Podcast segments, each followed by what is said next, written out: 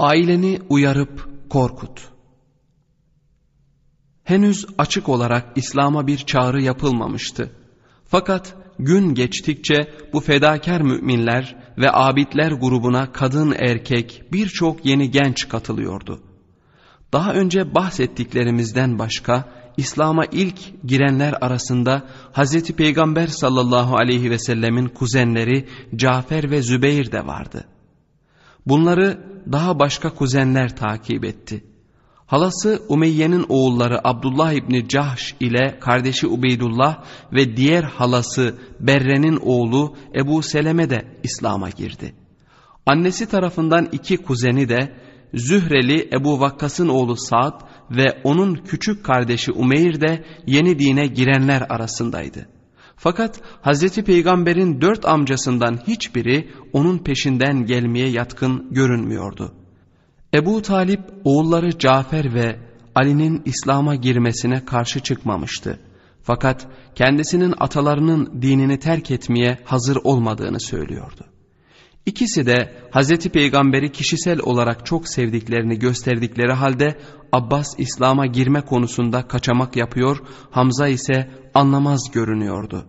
Fakat Ebu Leheb açıkça yeğeninin bir saptırıcı değilse bile bir sapık olduğunu söylüyordu. Öncelikle en yakın hısımlarını, aşiretini uyarıp korkut ayeti geldikten sonra Hz. Peygamber sallallahu aleyhi ve sellem Hz. Ali'yi çağırdı ve ona Allah bana en yakınlarımdan başlayıp ailemi ve akrabalarımı uyarmamı emretti. Fakat bu iş benim gücümü aşıyor. Bu yüzden bir yemek vereceğim. Bir koyun budundan yemek hazırla. Bir maşrapada süt bul ve tüm Beni Abdülmuttalib'i bir araya topla. Böylece ben de bana verilen emri yerine getirebileyim. Hazreti Ali kendisine söylenenleri yaptı.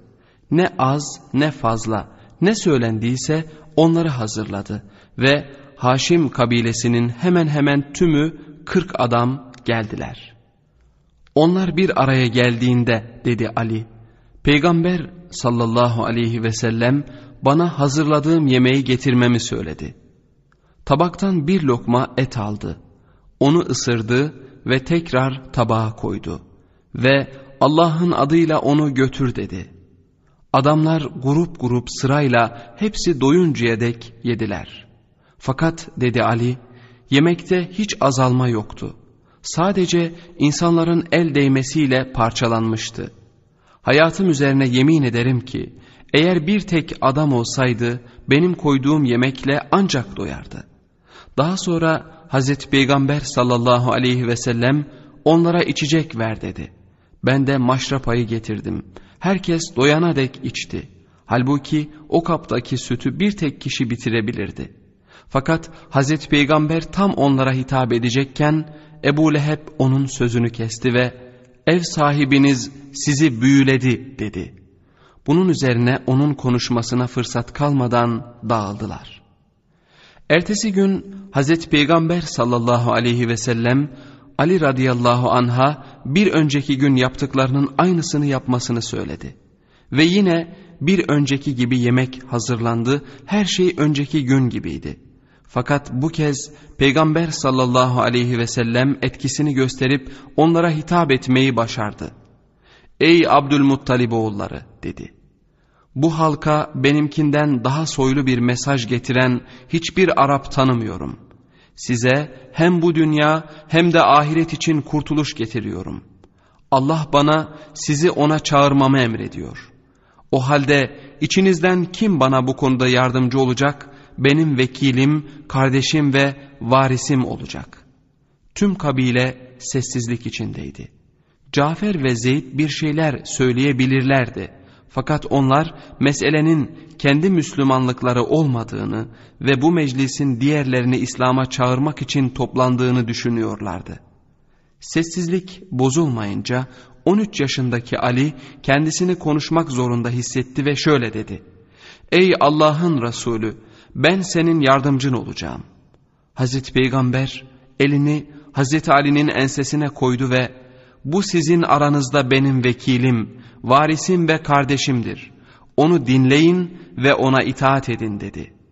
Adamlar ayağa kalktılar ve gülerek Ebu Talib'e o sana oğlunu dinlemeni ve ona itaat etmeni emrediyor dediler.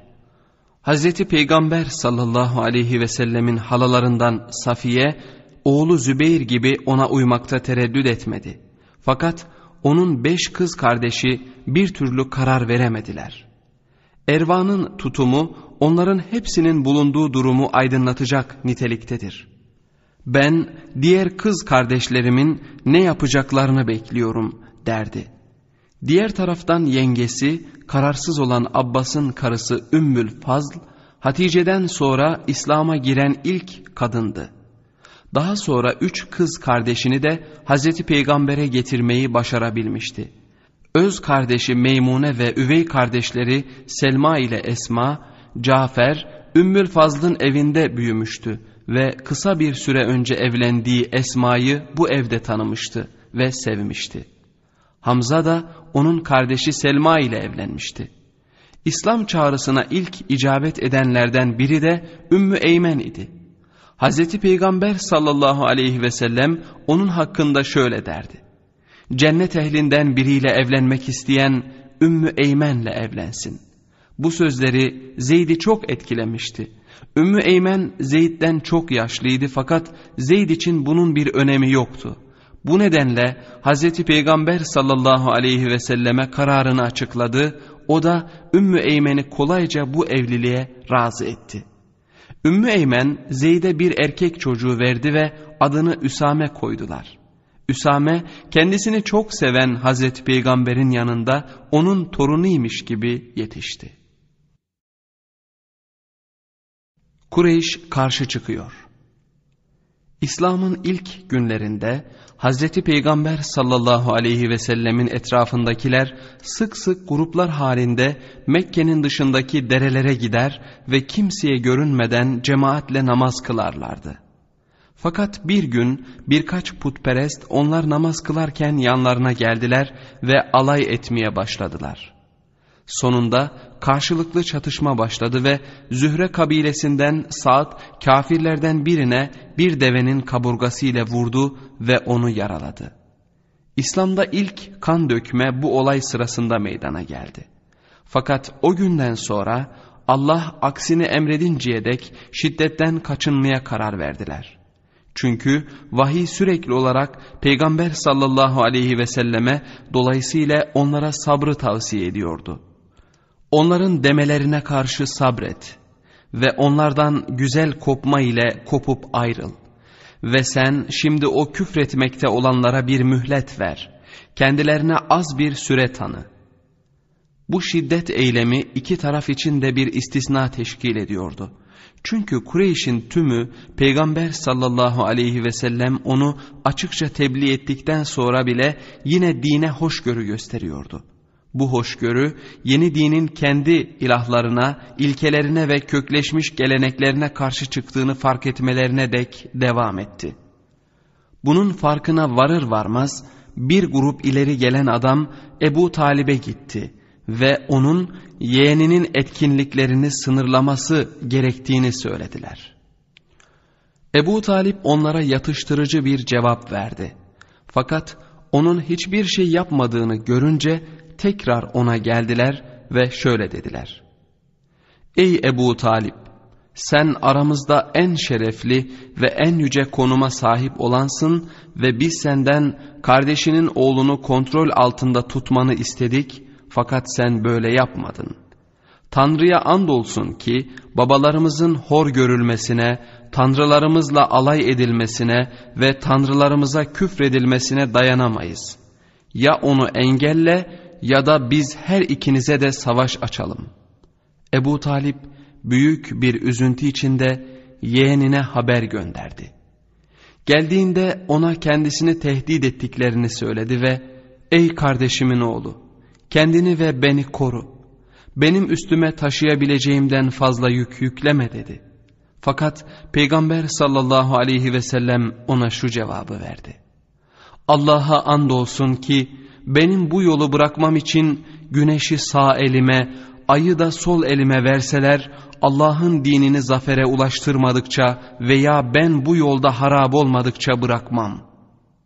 Daha sonra gözlerinde üzüntü belirtileriyle gitmek üzere ayağa kalktı.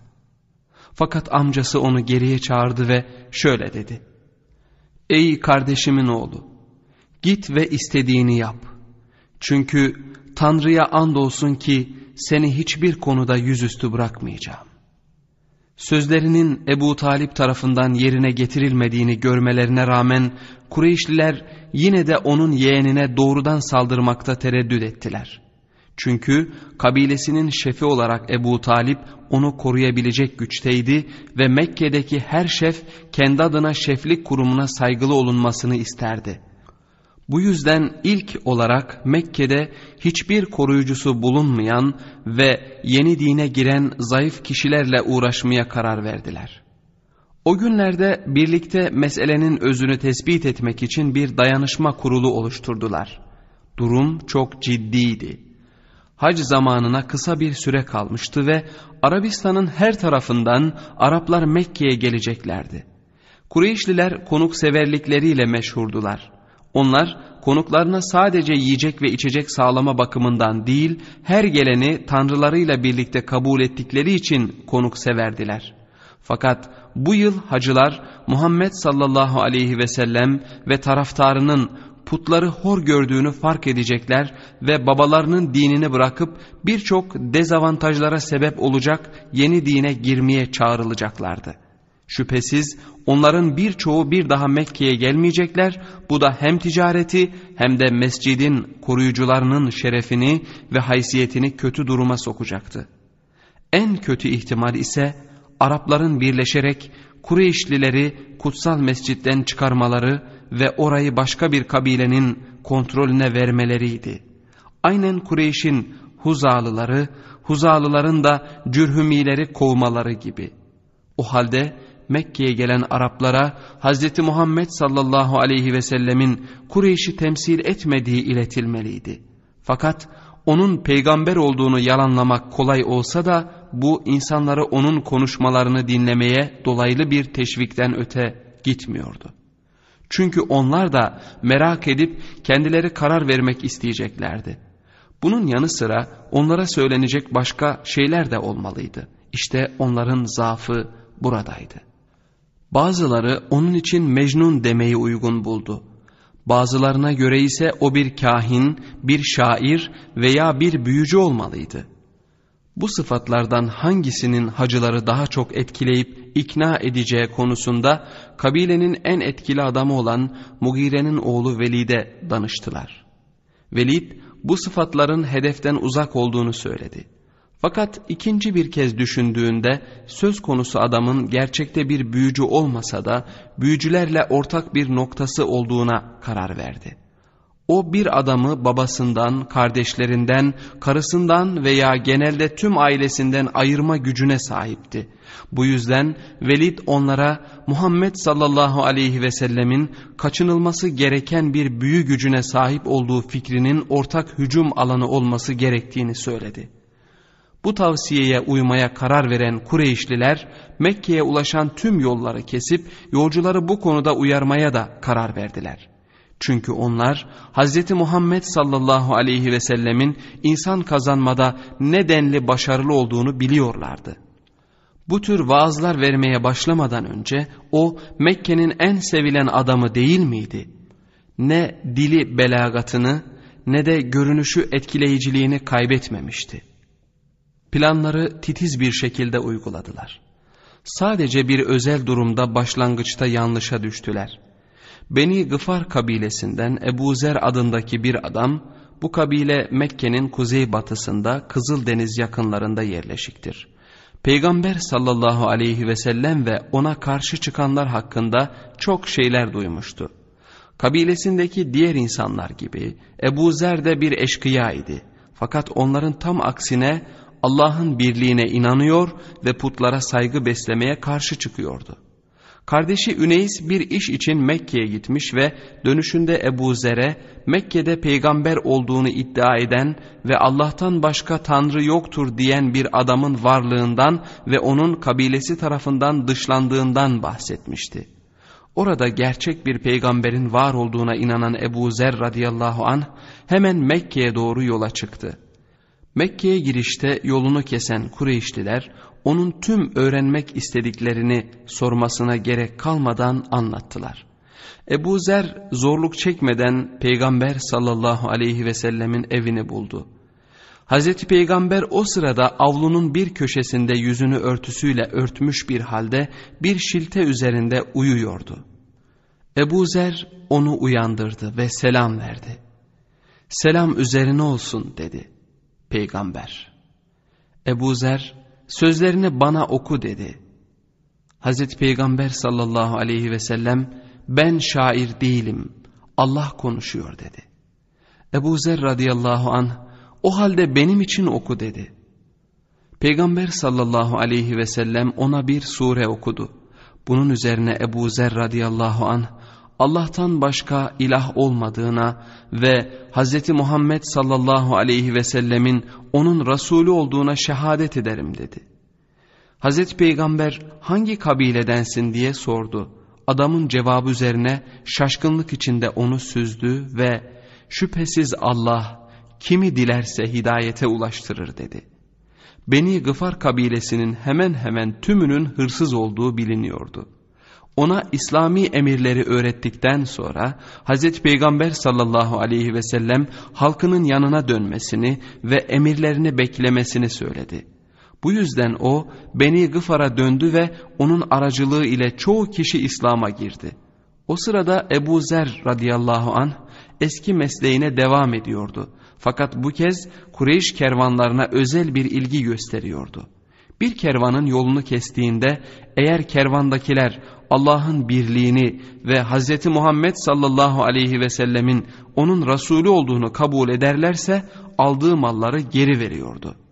Başka bir karşılaşma ise Gıfar gibi batıda yerleşen bir başka kabilenin Beni Devs'in İslam'a girmesine neden oldu. Devsli bir adam olan Tufeil daha sonraları Mekke'ye vardığında büyücü Muhammed'le konuşmaması ve onun ailesinden ve halkından ayrılabileceğinden dolayı hiç dinlememesi için nasıl uyarıldığını anlatır. Kureyş bu uyarılara çok önem veriyor ve yolcuları çok etkiliyordu. Tufeil büyülenmekten o denli korkmuştu ki mescide gitmeden önce kulaklarına pamuk tıkamıştı. Peygamber sallallahu aleyhi ve sellem oradaydı adeti olduğu üzere Yemen köşesiyle Hacerül Esved arasına yüzü Kudüs yönüne çevrili ve Kabe'nin güneydoğu duvarı hemen önüne gelecek şekilde namaz için yerini almıştı. Okuduğu Kur'an ayetleri o kadar yüksek tonda değildi fakat buna rağmen ayetlerden bir kısmını bana işittirdi. Duyduğum şeyler çok güzeldi. Bu yüzden kendi kendime şöyle dedim. Ben sağduyulu bir adamım ve şairim. Yanlış ile doğruyu ayıramayacak kadar cahil de değilim. O halde neden bu adamın söylediklerini işitmemeliyim? Eğer doğruysa kabul ederim, yanlışsa bırakırım. Hazreti Peygamber sallallahu aleyhi ve sellem oradan ayrılana dek bekledim ve giderken onu takip ettim. Tam evine girdiği sırada hemen arkasından ben de girdim ve ''Ey Muhammed sallallahu aleyhi ve sellem senin kabilendeki adamlar bana böyle böyle dediler. Ben de o kadar korktum ki senin sözlerini duymamak için kulağıma pamuk tıkadım. Fakat imkansız olduğu halde Allah bana senin sözlerini işittirdi. O halde kim olduğunu bana söyle dedim. Peygamber sallallahu aleyhi ve sellem ona İslam'ı anlattı ve Kur'an okudu. Tufeil de kelime-i şehadet getirdi. Daha sonra İslam'ı tebliğ etmek için halkının yanına döndü. Babası ve karısı İslam'a girdiler. Fakat geri kalan Devsliler küfürde ısrar ettiler. O da Mekke'ye büyük düş kırıklığı içinde döndü ve Hazreti Peygamber'den onlara beddua etmesini istedi. Fakat bunun yerine Hazreti Peygamber sallallahu aleyhi ve sellem onların doğru yolu bulmaları için dua etti ve Tufeil'e şöyle dedi. Halkının yanına dön. Onları İslam'a çağır ve onlara tatlılıkla muamele et. Tufeil bu tavsiyelere harfiyen uydu ve yıllar geçtikçe daha çok devsli aile İslam'a girdi.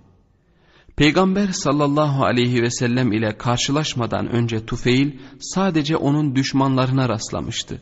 Fakat diğer hacılar kendilerine düşmanlarınkinden çok farklı bir hikaye anlatan Hazreti Peygamber sallallahu aleyhi ve sellem taraftarlarıyla karşılaştılar ve her biri yaratılışının gereği olarak inandı.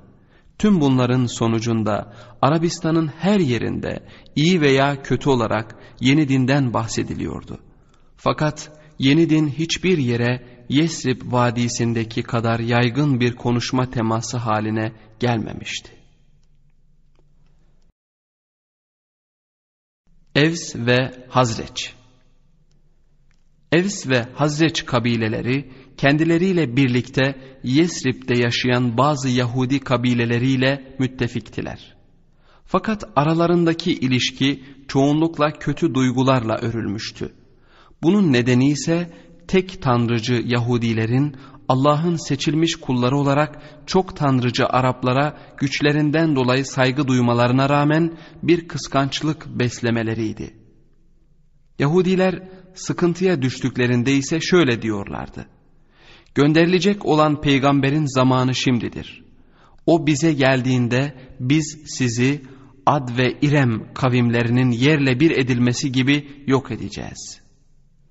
Yahudi alimleri ve kahinler Peygamber sallallahu aleyhi ve sellemin nereye geleceğini soranlara çoğunlukla Mekke ile aynı yönde olan Yemen tarafını işaret ederlerdi. Bu nedenle Yesribliler Mekke'de peygamber olduğunu iddia eden bir adamın var olduğunu duyunca dikkat kesildiler. Getirdiği mesajın özelliklerini duyduklarında ise daha çok ilgi duydular. Çünkü onlar eskiden beri tek tanrıcı akideye aşinaydılar. Yahudiler onlarla daha iyi geçindikleri zamanlarda onlara Tanrı'nın birliğini ve insanın esas amacının ne olduğunu anlatırlar ve birlikte bu konuyu tartışırlardı. Öldükten sonra dirilme fikri çok tanrıcı putperestler için kabul edilmesi zor bir konuydu. Bir keresinde Yahudi alimlerinden biri bu konuyla ilgili olarak güneşi işaret ederek orada tekrar diriliş gerçeğini tasdik edip ispatlayacak bir peygamberin geleceğini söylemişti. Arapların Mekke'den gelecek olan haberlere bu kadar dikkat etmeleri dolaylı olarak İbnül Heyyeban adında Suriye'den Yesrib'e göçmüş ve yağmur sularıyla vadiyi birkaç kez kuraklıktan kurtarmış olan bir Yahudiden kaynaklanıyordu. Bu dindar adam Peygamber sallallahu aleyhi ve selleme ilk vahyin geldiği sıralarda öldü. Öleceğini anlayınca etrafındakilere şöyle dedi. Ey Yahudiler! Beni ekmek ve şarabın bol olduğu bir ülkeden açlık ve zorluk çekilen bir ülkeye getiren sebebi bir düşünün. Sen daha iyi bilirsin dediler. Bu ülkeye gelmesi yakın olan peygamberi karşılamak için geldim. O bu ülkeye hicret edecek. Benim yaşamım süresince gönderileceğini ve benim de ona tabi olacağımı ümit ediyordum. Onun size gelmesi yakındır cevabını verdi. Bu sözler bazı Yahudi gençlerini çok etkiledi ve Peygamber sallallahu aleyhi ve sellem geldiğinde Yahudi olmamasına rağmen onu kabul etmelerini sağladı. Fakat genelde Araplar adamı tasdik ederken getirdiği mesajı kabul etmiyor, Yahudiler ise mesajı kabul ediyor ancak yanlış adam olduğunu düşünüyorlardı.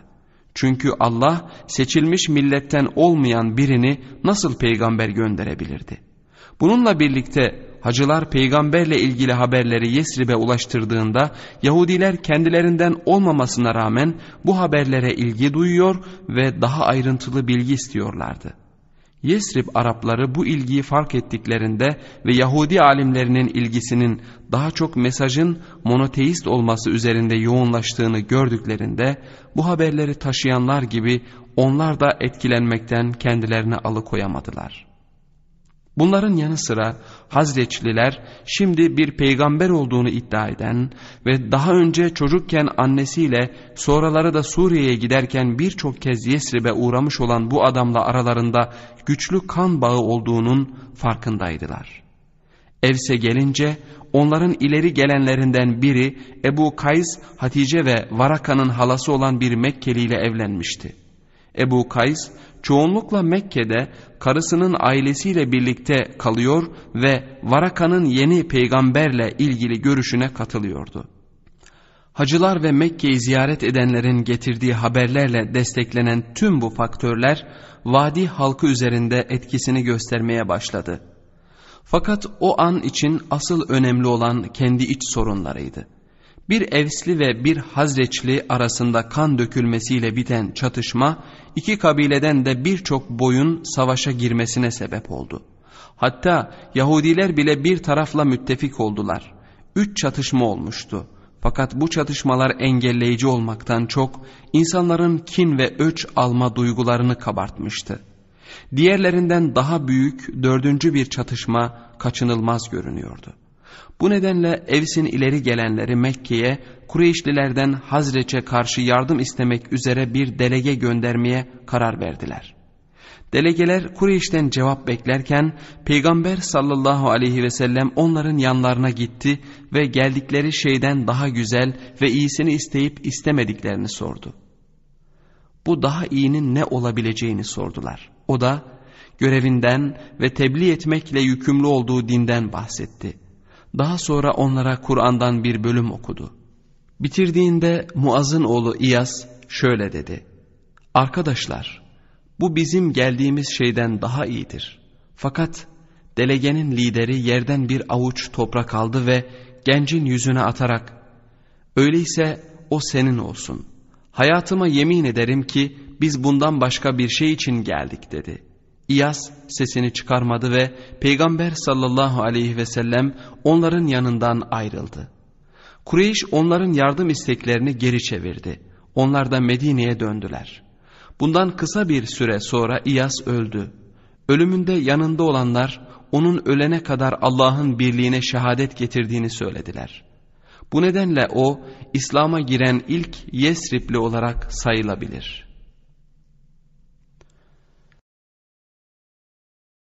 Ebu Cehil ve Hamza Mekke'de müminlerin sayısındaki artış, beraberinde kafirlerin düşmanlığındaki artışı da getirdi.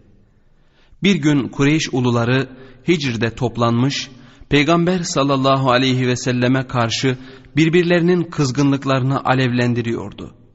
Tam o sırada Peygamber sallallahu aleyhi ve sellem mescide girdi. Kabe'nin doğu köşesine giderek Hacerül Esved'i öptü ve tavafa başladı. O Hicr'in yanından geçerken Hicr'dekiler onun aleyhine söyledikleri şeyleri daha yüksek sesle söylüyorlardı. Hazreti Peygamber'in onları işittiği yüzünden belli oluyordu. Hicr'in yanından ikinci kez geçti. Onlar tekrar hakaret ettiler.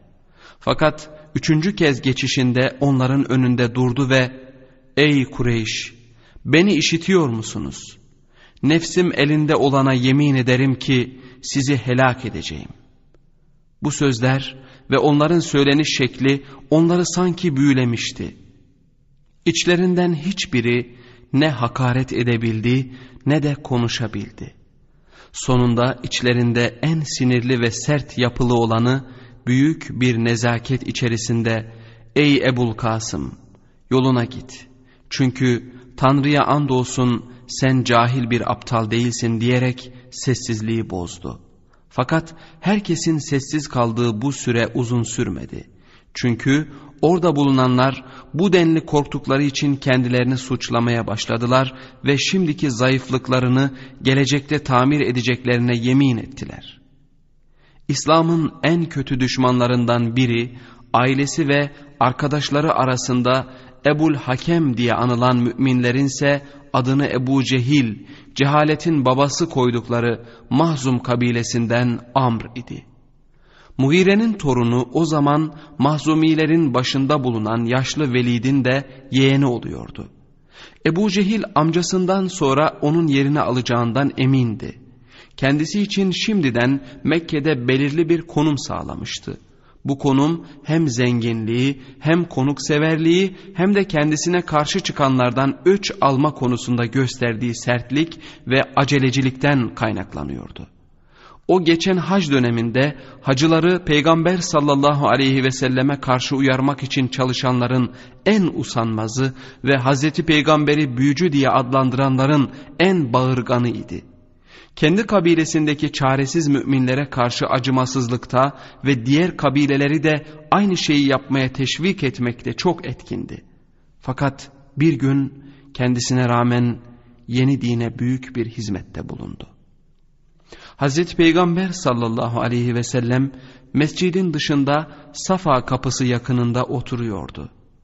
Hacılar kapıya yakın olan Safa tepesinde başlayan ve 450 yarda kuzeydeki Merve tepesinde biten yedi kez gidip gelme farzına bu kapıdan başladıkları için kapıya Safa kapısı adı verilmiştir. Safa'nın eteklerindeki bir kaya parçası bu ibadetin başlangıç yerini işaret eder. Ebu Cehil yanından geçtiğinde Peygamber sallallahu aleyhi ve sellem bu kutsal yerde tek başına oturuyordu.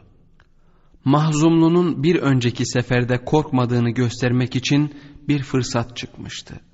Hazreti Peygamber sallallahu aleyhi ve sellemin önünde durarak ağzına gelen tüm küfürleri ona karşı söyledi. Hazreti Peygamber sadece ona baktı fakat hiçbir şey söylemedi. Sonunda yapabileceği tüm hakaretleri bitirdikten sonra Ebu Cehil, Hicr'de toplanmış olan diğer Kureyşlilere katılmak üzere mescide girdi.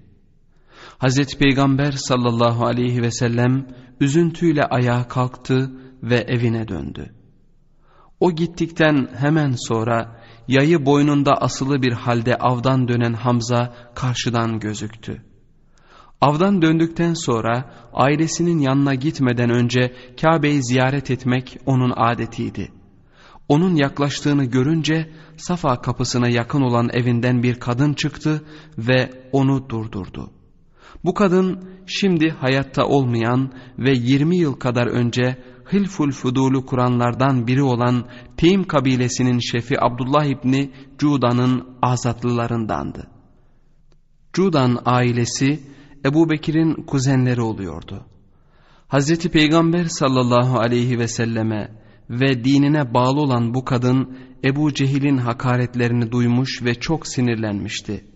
Hazreti Hamza'ya Ebu Umare dedi.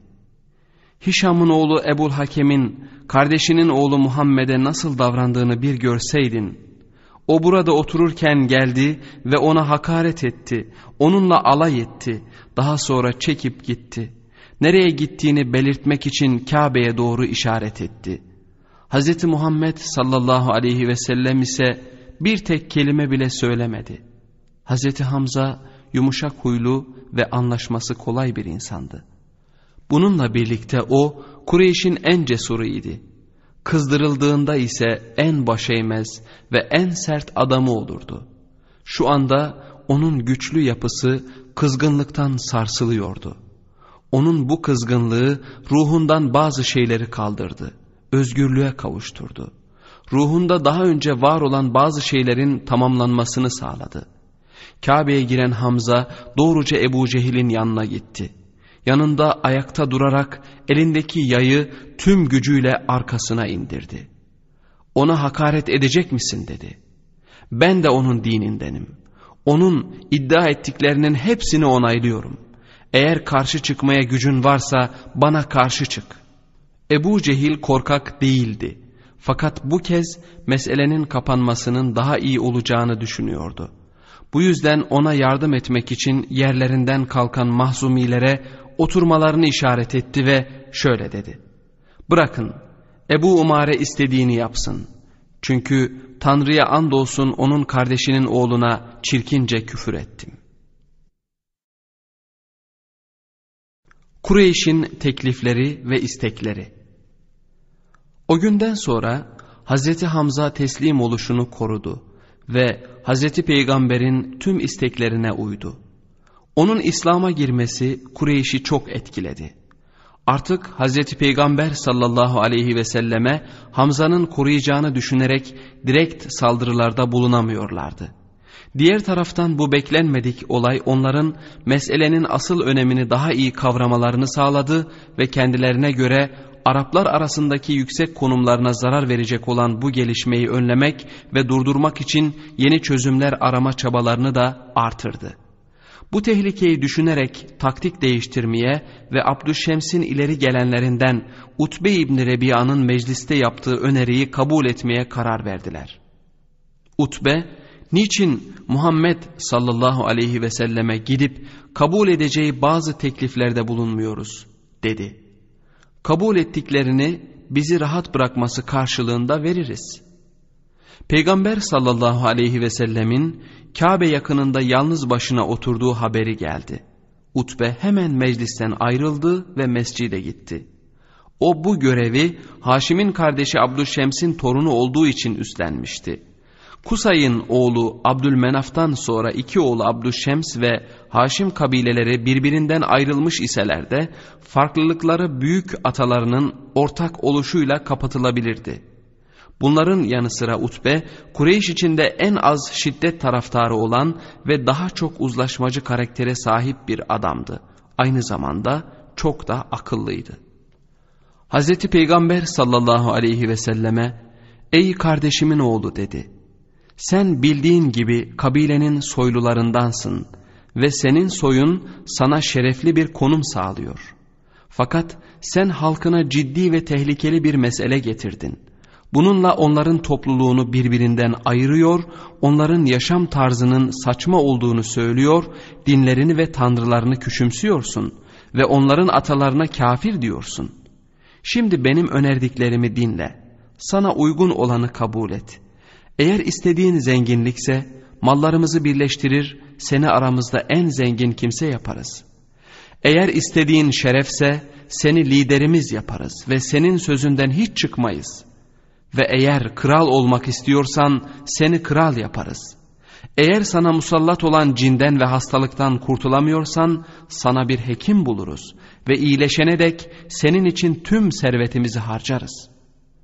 Konuşmasını bitirdiğinde Hazreti Peygamber sallallahu aleyhi ve sellem ona ''Ey Velid'in babası şimdi beni dinle'' dedi. Utbe dinleyeceğim deyince Peygamber sallallahu aleyhi ve sellem kendisine yeni gelen surelerden birini okudu. Utbe kazanmak istediği kişiyi etkilemek için biraz olsun dikkatle dinliyor izlenimi vermek istiyordu. Fakat birkaç cümle dinledikten sonra tüm bu düşünceler yerini okunan kelimelerin anlamlarını düşünmeye bıraktı. Ellerini arkasına dayayarak oraya oturdu. Dinledikçe ellerinin üstüne daha çok yükleniyordu.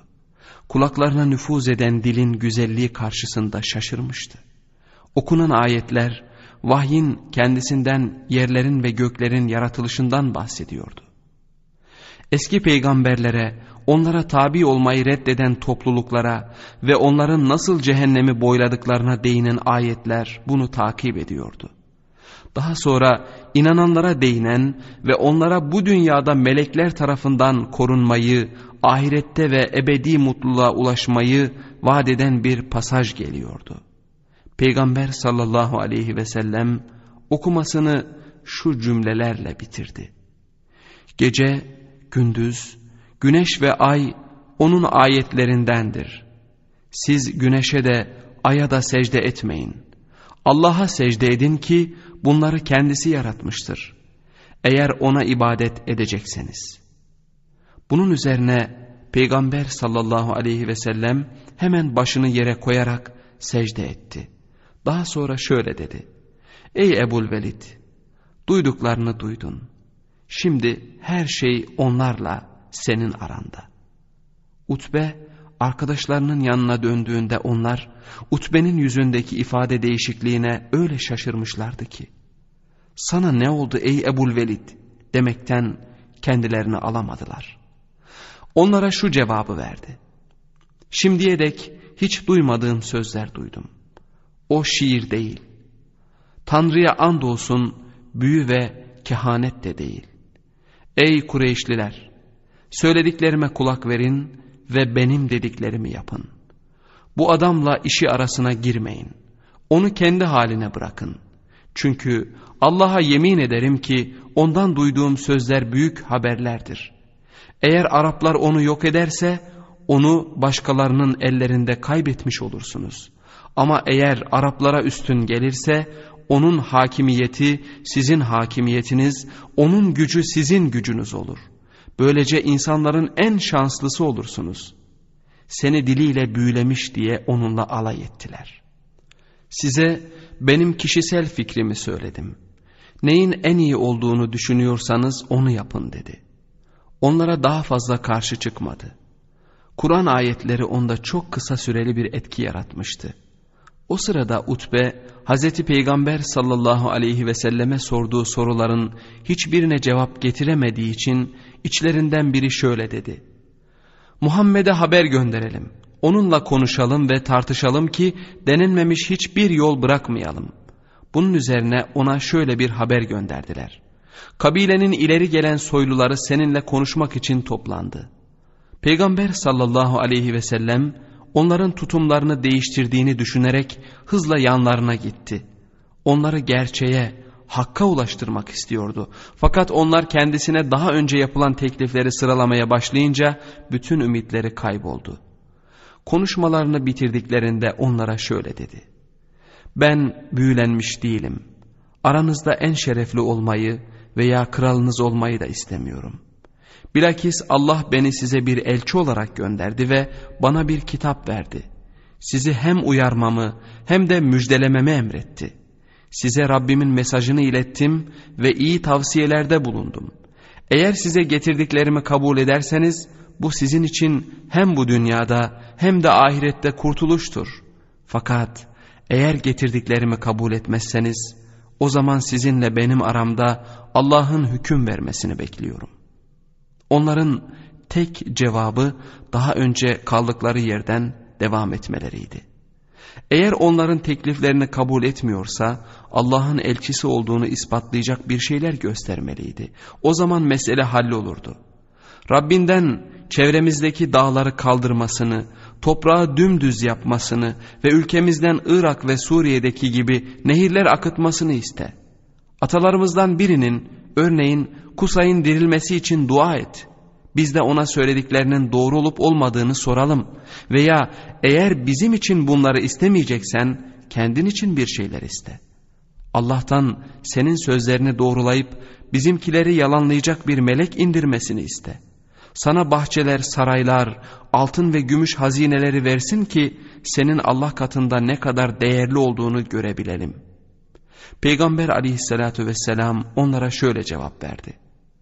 Ben Allah'tan böyle şeyler isteyecek değilim. Çünkü o beni uyarmam ve müjdelemem için gönderdi. Onu dinlemeyi reddederek şöyle dediler. O zaman gökyüzünü parça parça üzerimize indir. Bunu şu ayete karşı söylüyorlardı. Eğer biz dilersek onları yerin dibine geçirir ya da gökten üzerlerine parçalar düşürürüz. Karar verecek olan Allah'tır. Dilerse yapar diye cevap verdi Peygamber sallallahu aleyhi ve sellem. Alaylı bakışlarla cevap vermeden başka bir konuya geçtiler. Onlara göre vahyin en şaşırtıcı ve etkileyici yönü Rahman isminin çok sık geçmesiydi. Bu Peygamber sallallahu aleyhi ve sellemin herhalde ilham kaynağı olmalıydı. Surelerden biri Rahman Kur'an'ı öğretti sözleriyle başlıyordu. Muhammed sallallahu aleyhi ve sellemin söylediği şeyleri Yemameli bir adamdan öğrendiği söylentisini kabul etmek işlerine geldiği için şöyle diyorlardı. Sana öğretilen her şeyin Yemameli Rahman adındaki bir adamdan kaynaklandığını duyduk. Biz Rahman'a kesinlikle inanmayız. Peygamber aleyhissalatü vesselam sessiz kaldı. Onlar şöyle devam ettiler. Muhammed sallallahu aleyhi ve sellem şimdi biz sözlerimizin doğruluğunu ispatladık ve Tanrı'ya andolsun ki seni rahat bırakmayacağız. Sen bizi veya biz seni yok edinceye kadar savaşacağız. İçlerinden biri şunlara da ekledi. Sen bir merdiven alıp göğe tırmanıncaya ve söylediklerini doğrulayacak dört melek gelinceye dek sana inanmayacağım. O zaman bile sanırım sana inanmam. Bunları söyleyen Mahzumlu Ebu Umeyye'nin oğlu Abdullah idi. Abdullah babası tarafından Ebu Cehil'in kuzeni oluyordu. Fakat Atike Abdülmuttalib'in kızıydı ve kardeşinin yani peygamberin babasının ölümünden sonra oğluna onun adını koymuştu.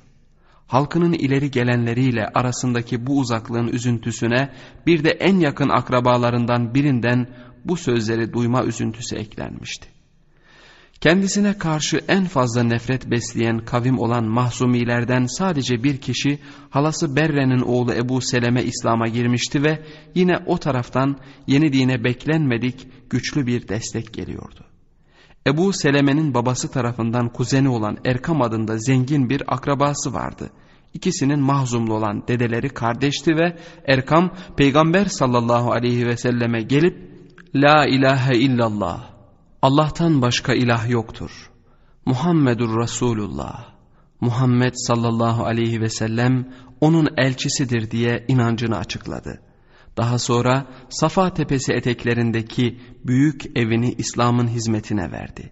O zamandan sonra müminler Mekke'nin ortasında görülme ve rahatsız edilme kaygısı taşımadan sığınabilecek ve birlikte ibadet edebilecek bir yer bulmuşlardı. Kureyş'in ileri gelenleri Peygamber sallallahu aleyhi ve selleme tabi olanlar sürekli bir artış gösteriyordu. Fakat yeni dine girenlerin hemen hemen hepsi ya köle ya azatlı ya da Mekke dışındaki Kureyşlilerden oluşuyordu. İslam'a girenler Vadi Kureyşlilerden olsa bile nüfuzlu bir aileden gelen fakat kendileri nüfuzlu olmayan ve İslam'a girişleriyle ailelerinin ve akrabalarının düşmanlığını üzerlerine çeken zayıf kişiler oluyordu. Abdurrahman, Hamza ve Erkam istisnaydı. Fakat onlar da lider konumunda olmaktan uzaktılar. Bu nedenle Hz. Peygamber sallallahu aleyhi ve sellem hiçbirinin hatta amcası Ebu Talib'in bile kendisine uymaya yanaşmadığı Kureyş ileri gelenlerinden hiç olmazsa birkaçını kazanmak istiyordu. Eğer Ebu Cehil'in amcası Velid gibi güçlü bir şahsiyetin, Velid hem mahzumilerin şefi hem de Kureyş'in gayri resmi şefiydi, desteğini kazanırsa davetini daha kolay bir şekilde yapabileceği inancındaydı.'' Velid aynı zamanda diğer Kureyş liderlerine göre daha anlayışlı ve tartışmaya açık bir kimseydi ve bir gün Peygamber sallallahu aleyhi ve sellem Velid'le yalnız konuşabileceği bir fırsat buldu. Fakat onlar sohbete dalmış bir haldeyken henüz İslam'a girmiş kör bir adam yanlarından geçti. Peygamber sallallahu aleyhi ve sellemin sesini duyunca orada durup kendisine Kur'an'dan bir bölüm okumasını rica etti biraz sabırlı olması ve uygun bir zaman beklemesi söylendiğinde kör adam o kadar ısrar etti ki sonunda Hazreti Peygamber sallallahu aleyhi ve sellem hiddetlendi ve yüzünü çevirdi. Sohbeti yarıda kesilmişti fakat bu bölünme hiçbir kayıba sebep olmadı çünkü Velid zaten mesaja ümitsiz denebilecek derecede kapalıydı. O anda şu sözlerle başlayan yeni bir sure nazil oldu. Surat astı ve yüz çevirdi. Kendisine o kör geldi diye. Vahiy şöyle devam ediyordu. Fakat kendini müstahni gören ise işte sen onda yankı uyandırmaya çalışıyorsun. Oysa onun temizlenip arınmasından sana ne? Ama koşarak sana gelen ise ki içi titreyerek korkar bir durumdadır, sen ona aldırış etmeden oyalanıyorsun. Bundan kısa bir süre sonra Velid kendini beğenmişliğini şu sözlerle ortaya koyuyordu.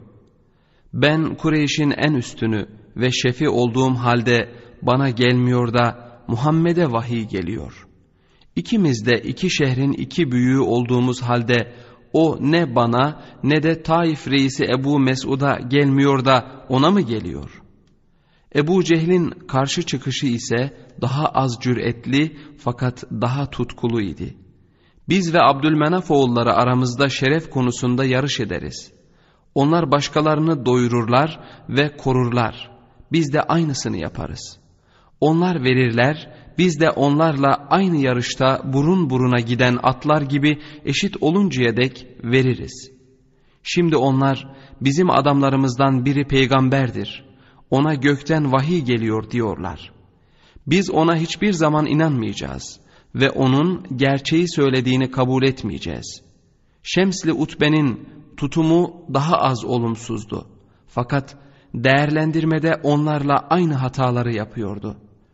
Çünkü onun ilk düşüncesi eğer Muhammed sallallahu aleyhi ve sellem gerçekten peygamberse ona uyulmalıdır değil.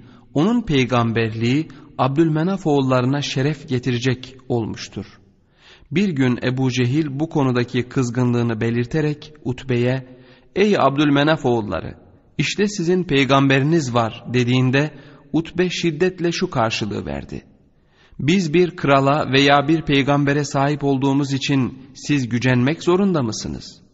Buradaki kral kelimesi Kusay için kullanılıyor ve Mahzumilere Abdülmenaf'ın Kusay'ın oğlu olduğu, halbuki Mahzum'un sadece Kusay'ın yeğeni olduğu hatırlatılmak isteniyordu. Peygamber sallallahu aleyhi ve sellem bu söylenenleri duyacak kadar yakındaydı. Hemen yanlarına geldi ve onlara ''Ey Utbe sen ne Allah ne de onun Resulü için tartışıyorsun. Sana gelince ey Ebu Cehil, sana bir felaket gelecek ve sen çok ağlayıp az güleceksin. Kureyş'in çeşitli boyları arasında rekabet sürüyor ve en güçlü olanlar sürekli değişiyordu. O zamanlar en güçlü iki boy Abdüşşems ve Mahzum idi. Utbe ve kardeşi Şeybe, Şems boyunun bir bölümünden sorumluydular. Kuzenleri Umeyye kolunun lideri Harp ölmüş, yerine Utbe'nin kızı Hint'le evlenen Ebu Süfyan geçmişti. Onun hem politikada hem de ticarette başarılı olması bir bakıma adaleti korumasına, soğukkanlılığına ve bir avantaj kazanacağına inandığında sabırlı olmasına bağlanabilirdi. Onun bu soğukkanlılığı çok çabuk sinirlenen ve aceleci olan Hind'in sık sık kızmasına neden oluyordu. Fakat Ebu Sufyan kararını verdikten sonra onun fikirlerini çok az dinlerdi. Beklendiği gibi o Hazreti Peygamber'e karşı Ebu Cehil'den daha az düşmanlık besliyordu. Bununla birlikte Kureyş liderlerinin Peygamber sallallahu aleyhi ve selleme karşı tutumları farklı olsa da hepsi de mesajı reddetme konusunda aynı fikirdeydiler. Hayatta belirli bir başarı kazanmış olarak hepsinde tüm Arabistan'da kabul edilen bir insanın hamiyeti ideali hakimdi. Zenginlik bu şerefin bir yönü değildi fakat bu amaca ulaşmak için zenginlik gerekliydi. Şerefli ve kerem sahibi bir adam bir koruyucu ve müttefik olmalıydı. Yani kendisinin de dayandığı bazı müttefikler var olmalıydı.'' Bunu da kendi evlilikleri, kızları ve oğullarının evlilikleriyle kurduğu bağlar sayesinde başarabilirdi. Fakat böyle bir konumu kazanmada en önemli etken zenginlikti. Çünkü şerefli bir adam iyi bir ev sahibi olmak zorundaydı. Bir takım iyi özelliklere sahip olmak söz konusu idealin gerçekleşmesi için gerekliydi. Özellikle cömertlik bu idealde büyük bir rol oynuyordu. Fakat bu iyi davranışların hiçbiri ahirette karşılık almak için yapılmıyordu. Tüm Arabistan'da çok cömert, cesaretli ve koruma, ittifak, garanti veya başka herhangi bir şey için verdiği sözde duran biri olarak tanınmak ve öldükten sonra da böyle anılmak onlar için yaşama asıl anlamını veren büyük bir şeref ve ölümsüzlük idi. Velid gibi adamlar böyle bir şerefe sahip olduklarından emindiler. Bu da onların bu hayatın yani onların başarı ve şeref kazandıkları hayatın geçiciliğini vurgulayan bir mesaja kulaklarını kapatmalarına neden oluyordu. Onların şeref ve ölümsüzlükleri Arabistan'ın aynı kalmasına, Arap ideallerinin geçmişten geleceğe sürekli aktarılmasına bağlıydı. Hepsi de değişik derecelerde vahyin diline ve üslubuna karşı duyarlıydılar. Fakat anlamına gelince aşağıdaki gibi babalarının hiçbir şey kazanmadığını ve onların tüm çabalarının boşa gittiğini vurgulayan ayetlere gönüllerini kapatmışlardı. Bu dünya hayatı yalnızca bir oyun ve eğlence türünden tutkulu bir oyalanmadır. Gerçekte ahiret yurdu ise asıl hayat odur. Bir bilselerdi.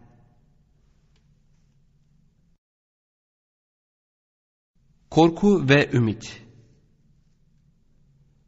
Elbette gençlerin ve zayıfların hepsi hemen ilahi daveti kabul etmemişti. Fakat hiç olmazsa onların kendini beğenmişliği, küçük yaşamlarını bir klarnetin notaları gibi bölen davet ve vaazların önem ve şiddetine karşı kulaklarını tıkamalarına neden olmuyordu. Osman'ın çölde duyduğu, ''Ey uykudakiler, uyanın!'' Sesi vahyin kendisiydi ve daveti kabul edenler şimdi sanki uykudan uyanmışlar ve yeni bir yaşama girmişlerdi. Geçmişteki ve şu andaki kafirlerin tutumu şu sözlerle ifade edilebilir. Bu dünya hayatımızdan başkası yoktur ve bizler diriltilecek de değiliz. Bu sözlere ilahi cevap olarak şunlar söyleniyordu. Biz gökleri, yeri ve ikisinin arasındakilerini oyuncuların oyun konusu olarak yaratmadık. Bizim boş bir amaç uğruna yarattığımızı ve sizin gerçekten bize döndürülüp getirilemeyeceğinizi mi sanmıştınız? Küfrün henüz tam olarak yerleşmediği kişilerde bu sözler etkisini gösteriyordu. Bu etki kendisini bir nur ve hidayet, doğru yola ulaştırıcı olarak niteleyen vahyin tümü içinde geçerliydi. Mesajı kabul etmeye iten başka bir neden de onu getiren elçinin kişiliğiydi. O başkalarını kötülüğe yönlendirmeyecek denli gerçekle dolu ve kendisi de saptırmayacak kadar hikmet ve fazilet sahibiydi. Yapılan çağrıda hem bir uyarı hem de bir vaat vardı. Uyarı onları iyi işler yapmaya yöneltiyor, müjde ise onları mutlu kılıyordu. Şüphesiz bizim Rabbimiz Allah'tır deyip sonra da dosdoğru bir istikamet tutturanlar yok mu? Onların üzerine melekler iner ve der ki, korkmayın ve hüzne kapılmayın. Size vaat olunan cennetle sevinin. Biz dünya hayatında da ahirette de sizin velileriniziz. Orada nefislerinizin arzuladığı her şey sizindir ve istemekte olduğunuz her şey de sizindir. Çok bağışlayan, çok esirgiyen Allah'tan bir ağırlanma olarak. Bu mu daha hayırlı yoksa takva sahiplerine vaat edilen cennet mi? Ki onlar için bir mükafat ve son duraktır. İçinde ebedi kalıcılar olarak orada her istedikleri onlarındır. Bu Rabbinin üzerinde istenen bir vadidir. Gerçek müminler bizimle karşılaşmayı umanlar diye tanımlanmıştır. Oysa kafirler bizimle karşılaşmayı ummayanlar, dünya hayatına razı olanlar ve bununla tatmin olanlar ve bizim ayetlerimizden habersiz, gafil olanlar. Müminin tutumu her konuda kafirinkinin aksi olmalıdır.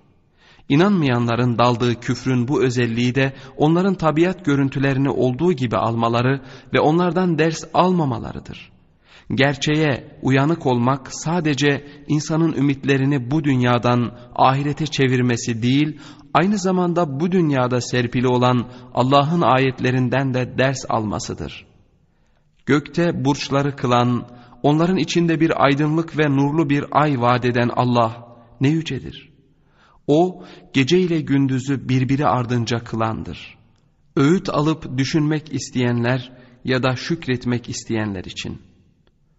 Kureyş liderleri küstahça peygamberden bu ayetleri, işaretleri veya mucizeleri göstermesini ya gökten onu destekleyen bir melek gelmesini ya da onun göğe yükselmesini istiyorlardı. Ve bir gün Dolunay'ın henüz Hıra dağının tepesine çıkıp ortalığı aydınlattığı bir gecede bir grup kafir peygambere yaklaştılar. Ve eğer gerçekten Allah'ın Resulü ise ayı ikiye bölmesini istediler.'' Müminleri ve kararsızlıkları da içeren büyük bir topluluk vardı. Ve bu istek yerine getirildiğinde tüm gözler parlayan aya çevrildi. Büyük bir şaşkınlık içindeydiler. Çünkü ay ikiye ayrılmış ve her biri dağın bir yönünden parlıyordu. Peygamber aleyhissalatu vesselam işte şahit olun dedi. Fakat asıl ayı ikiye bölmesini isteyenler bu optik mucizeyi reddettiler ve onun büyü olduğunu söylediler. Diğer taraftan inananlar sevindiler ve kararsızlardan bazıları imana yaklaştı, bazıları ise gerçekten iman etti. Böyle isteklere karşı Allah'tan gelen bu cevap bir istisnaydı. Çünkü Kureyş'in istediği diğer mucizeler onlar istediğinde değil Allah'ın dilediği zaman meydana gelmişlerdir. Bunlardan başka sadece inananların şahit olduğu küçük mucizeler de vardı. Fakat bu tür harikuladelikler yeni dinin merkezinde bir konuma sahip değildi. Çünkü İsa'nın bir önceki vahyin mucizesi olması gibi bu vahyin mucizesi de Kur'an'ın kendisiydi. Kur'an'a göre İsa aleyhisselam hem Allah'ın elçisi hem de onun kelimesidir. Onu Meryem'e yöneltmiştir ve ondan bir ruhtur. Aynen Allah'ın kelimesi olan İsa aleyhisselamda olduğu gibi şimdi de Allah'ın kelimesi olan Kur'an'la İslam gerçek bir din oluyordu. Bu kelamın işlevlerinden biri de İslam'a hanif bir din olarak bakıldığında insanda zaman geçtikçe körelen ve yanlışlıklara yönelen duyguları tekrar uyandırmaktı. Bu nedenle Kureyş Peygamber aleyhissalatu vesselam'dan mucize göstermesini istediğinde Kur'an'ın cevabı onları her zaman gördükleri fakat üzerinde düşünüp ibret almadıkları şeylere yöneltmek olmuştur. Kendileri bir bakmıyorlar mı o deveye nasıl yaratıldı? Göğe nasıl yükseltildi? Dağlara nasıl oturtulup kuruldu? Yere nasıl yayılıp döşendi? İnananlardan beklenen korku ve ümidin her ikisi de Allah'a götüren davranışlardır. Allah'a şükür belirtisi olarak söylenen hamd, alemlerin Rabbi olan Allah'adır sözü, aynı zamanda korku da taşır ve hamd edeni ve hamdolunanı doğruca tüm iyiliklerin kaynağı olan uluhiyete götürür. Rahman ve Rahim olan Allah'ın adıyla sözü insanı ümitle aynı yöne yöneltir. Bu korku ve ümit en belirgin bir şekilde Fatiha suresinde toparlanmıştır. Kur'an'ın ilk suresi olduğu için açan anlamında Fatiha ismi verilmiştir. Hamd, alemlerin Rabbi, Rahman, Rahim ve din gününün maliki olan Allah'adır. Biz yalnızca sana ibadet eder ve yalnızca senden yardım dileriz. Bizi dosdoğru yola ilet.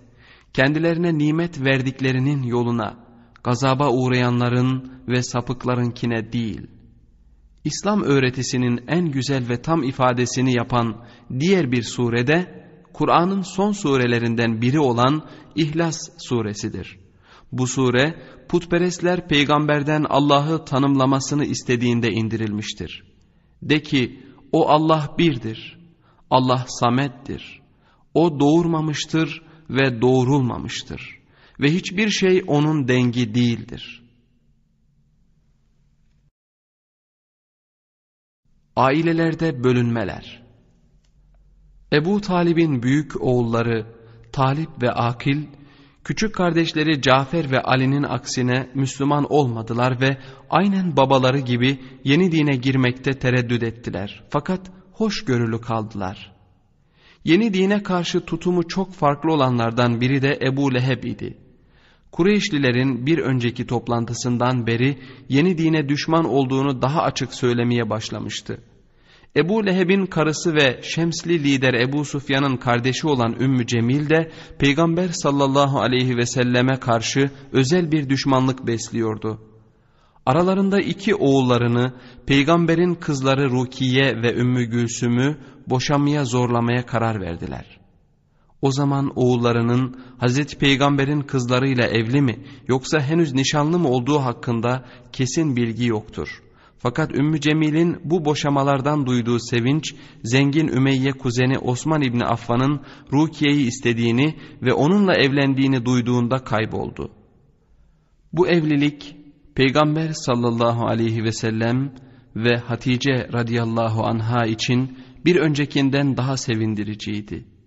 Kızları mutluydu ve yeni damatları hem kızlarına hem de onlara karşı saygı ve sevgi besliyordu.'' şükretmeleri gereken başka bir konu daha vardı. Rukiye kızları arasında en güzeli ve tüm Mekke'de kendi akranlarının en güzeliydi. Osman radıyallahu anh da çok yakışıklı bir adamdı. İkisini bir arada görmek bir sevinç kaynağı oluyordu. Allah güzeldir ve güzelliği sever. Evliliklerinden kısa bir süre sonra ikisi de Mekke dışındayken Peygamber sallallahu aleyhi ve sellem onlardan haber almak için bir adam gönderdi. Fakat adam beklenilenden çok geç geri döndü. Geciktiği için özür dilemeye başladığında Peygamber sallallahu aleyhi ve sellem sözünü kesti ve ''Bırak, seni neyin geç bıraktığını ben söyleyeyim. Orada Osman ve Rukiye'nin güzelliklerini seyretmeye daldın ve o yüzden de geç kaldın dedi. Peygamber sallallahu aleyhi ve sellemin halası Erva, İslam'a girmek için kararını vermişti. Bu ani kararının en önemli sebebi ise 15 yaşındaki oğlu Tulayb'ın kısa bir süre önce Erkam'ın evinde inancını açıklamasıydı. İslam'a girdiğini annesine haber verdiğinde annesi, biz erkeklerin yapabildiğini yapabilsek kardeşimizin oğlunu koruyacağız dedi. Fakat Tulayb bu tür belirsiz bir ifadeyle yetinmedi ve seni İslam'a girip ona tabi olmaktan alıkoyan nedir? Kardeşin Hamza da Müslüman oldu dedi. Annesi her zamanki gibi diğer kız kardeşlerinin kararını beklediğini, özrünü dile getirdiğinde ise Tulayb onun sözünü kesti. Allah adına sana yalvarıyorum. Git ve onu selamla. Ona inandığını söyle ve Allah'tan başka ilah olmadığına şehadet getir. Erva oğlunun dediklerini yaptı, Müslüman olduktan sonra cesareti arttı ve kardeşi Ebu Leheb'i yeğenine yaptıklarından dolayı azarladı. Hz. Hatice'nin akrabalarına gelince, İslam'ın Mekke'de tanınmaya başlamasından kısa bir süre sonra üvey kardeşi Nevfel İslam'ın en kötü ve en azgın düşmanı oldu.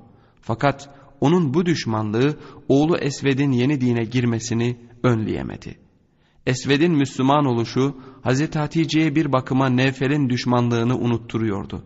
Fakat ne yazık ki en sevdiği yeğeni ve birkaç yıldan beri de damadı olan Şemsli Ebul As, karısı Zeynep İslam'a girdiği halde Müslümanlığı kabul etmiyordu. Karısı Müslüman olduğu için kabilenin ileri gelenleri ders olsun diye onu boşaması için Ebul As'ı zorluyorlardı. O kadar ileri gittiler ki Zeynep'i boşamasına karşılık Mekke'den en güzel, en zengin ve en soylu kadınla evlenebilmesi için tüm imkanlarını bu yolda harcayacaklarına söz verdiler. Fakat Zeynep ile Ebul As birbirlerini seviyorlardı. Zeynep radıyallahu anha her zaman kocasının da Müslüman olması için dua ediyor ve öyle olmasını ümit ediyordu. Kocası da Zeynep'i sevdiği için kendisini boşamaya zorlayanlara istediği kadının evde olduğunu ve başka bir kadın da istemediğini söylüyordu. Hz. Hatice'nin yeğenlerinden bir diğeri olan Hakim de kendisine 20 yıl kadar önce Zeyd'i hediye eden kardeşi Hişam'ın oğlu Ebul As gibi halasına ve halasının ev halkına karşı sevgi ve saygı beslemeye devam ediyor fakat Kureyş tanrılarına da karşı çıkmıyordu. Hakim'in kardeşi Halid ise Müslüman olmuştu. Gerçek şu ki sen sevdiğini hidayete eriştiremezsin.'' Ancak Allah dilediğini hidayete eriştirir. Bu ayetle ifade edilen gerçek Kur'an'ın her yerinde tekrarlanır. Fakat bu tür ayetler Hz. Peygamber sallallahu aleyhi ve sellemin üstünden sorumluluk yükünü kaldırsa da onun mahzumlu kuzeni Abdullah'ın küfrüne üzülmesini engelleyemiyordu. Onu çok üzen bir başka durum daha vardı. Büyük amcası Haris'in oğlu bir zamanlar çok samimi arkadaşı olan Ebu Sufyan da Müslüman olmayı kabul etmiyordu.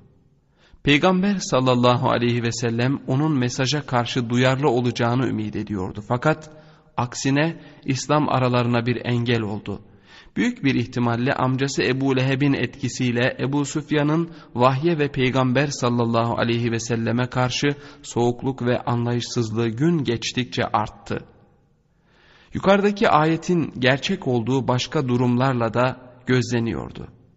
Ebu Bekir radıyallahu an Müslüman olduğunda karısı Ümmü Ruman ve başka bir karısından olan oğlu Abdullah'la kızı Esma ona uymuşlar ve İslam'a girmişlerdi. Ümmü Ruman kısa bir süre önce Ayşe adını verdikleri ve Hazreti Zeyd'in oğlu Üsame gibi İslam'ın ilk çocuklarından olan bir kız çocuğu dünyaya getirmişti. Ebu Bekir radıyallahu an birçok kimsenin Müslüman olmasına vesile olduğu halde en büyük oğlu Abdülkabe'yi İslam'a sokamamıştı. O annesi Ümmü Ruman ve babasının tüm çabalarına rağmen yeni dine girmemekte ısrar ediyordu. Müminler hayal kırıklığı içindeydiler. Kafirlerse Mekke'de yaşam tarzlarını tehdit eden ve gelecekle ilgili özellikle çocuklarının evlilikleriyle ilgili projelerini suya düşüren bir olayla karşı karşıya bulunduklarının farkına varmışlardı. Mahzumilerden Abdullah'ın mecliste kuzeni Muhammed sallallahu aleyhi ve selleme sert bir şekilde karşı çıktığında Beni Mahzum çok sevinmişti. Abdullah'ın kardeşi Züher de yeni dine ondan daha az düşmanlık beslemesine rağmen Müslüman olmayı reddetmişti. Abdullah gibi Züher de Abdülmuttalib'in kızı Atike'nin oğluydu fakat şimdi hayatta olmayan babaları Atike adında başka bir kadınla evlenmiş ve ondan bir kız çocuğu olmuştu.